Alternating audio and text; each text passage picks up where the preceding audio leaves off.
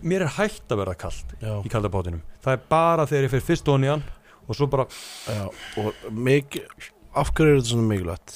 Af því uh, nýjastu rannsóknir sína Dr. Jack Cruz, Rosalur og þess að þú sendir, sendir á mig Kristján að hérna kuldin er eiginlega meira mandatóri er eiginlega aðeins meira mikilvægur en reyfing fyrir okkur spendir með internalized melanin production.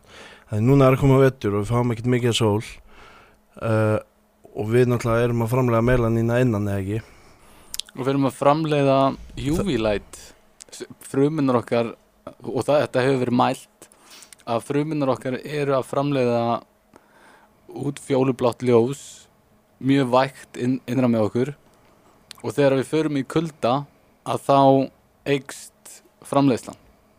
Mm, Já, og líka bara þú veist, venjast kuldan það er hérna það er bara trend núna að venjast kuldan ég er núna alltaf bara að hjóla á hérna hlýrabólun mm og þú veist, mér er ekkert kalt að því ég er orðin svo vani kuldan og ég ætla að reyna að gera þetta í Nákvæmlega. vetur og vera bara svo er það líka það að hérna, ég man ekki hvort að hann breytir hvítufittuninni í brúnafittu eða hvort hann búið bara til meiri brúnafittu sem er heitari og Mhm. brennur hraðar. Mhm.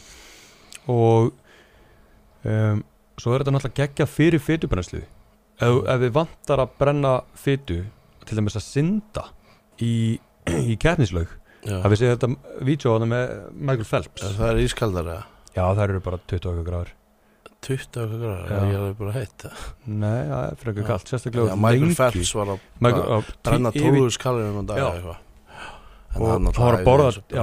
Já, algjörlega En þetta er samt, af hverju var hann aði af því að þetta er svo uh, brennir svo mikið af því að vera í þessu kalda vatni Mm. og að reyfa þig Já, já, ég ætla að reyna að taka sjósund þrísvar í viku í vitur, Já. allan einu sinni í viku í vitur. Já. Um, Ég hérna, já, mér langar að byrja að bæta sundinu aðeins inni mm, og sólinni. já, já Svo er alltaf Maður- nóg A- Þú varst að segja mér í gæra að maður ætti að eiginlega helst að vera tvo tíma úti á dag. Ég var úti í klukktíma í gær og hjólaði örugglega í svona hálftíma 45 minútur uh, og mér leið bara ótrúlega vel, sko. Uh, af hverju þarf maður að vera úti? Er ekki bara að fá fersloft, fá sólina þetta, þótt að sé skíjað, vera úti, reyna að vera úti tvo tíma á dag. Kristján sagði mér mjög magnað um dagina því að hann var að tala um eitthvað svona ljós sem að maður getur verið með, sérstaklega með að vinna mikið fyrir frá með tölvu og svona. Mm sem að mimikar hvað er, út, útiljós, ljósið úti. Já. og og að því að sama sama þó sem með öll ljós kveikt inn í það er og með mikið af gluggum.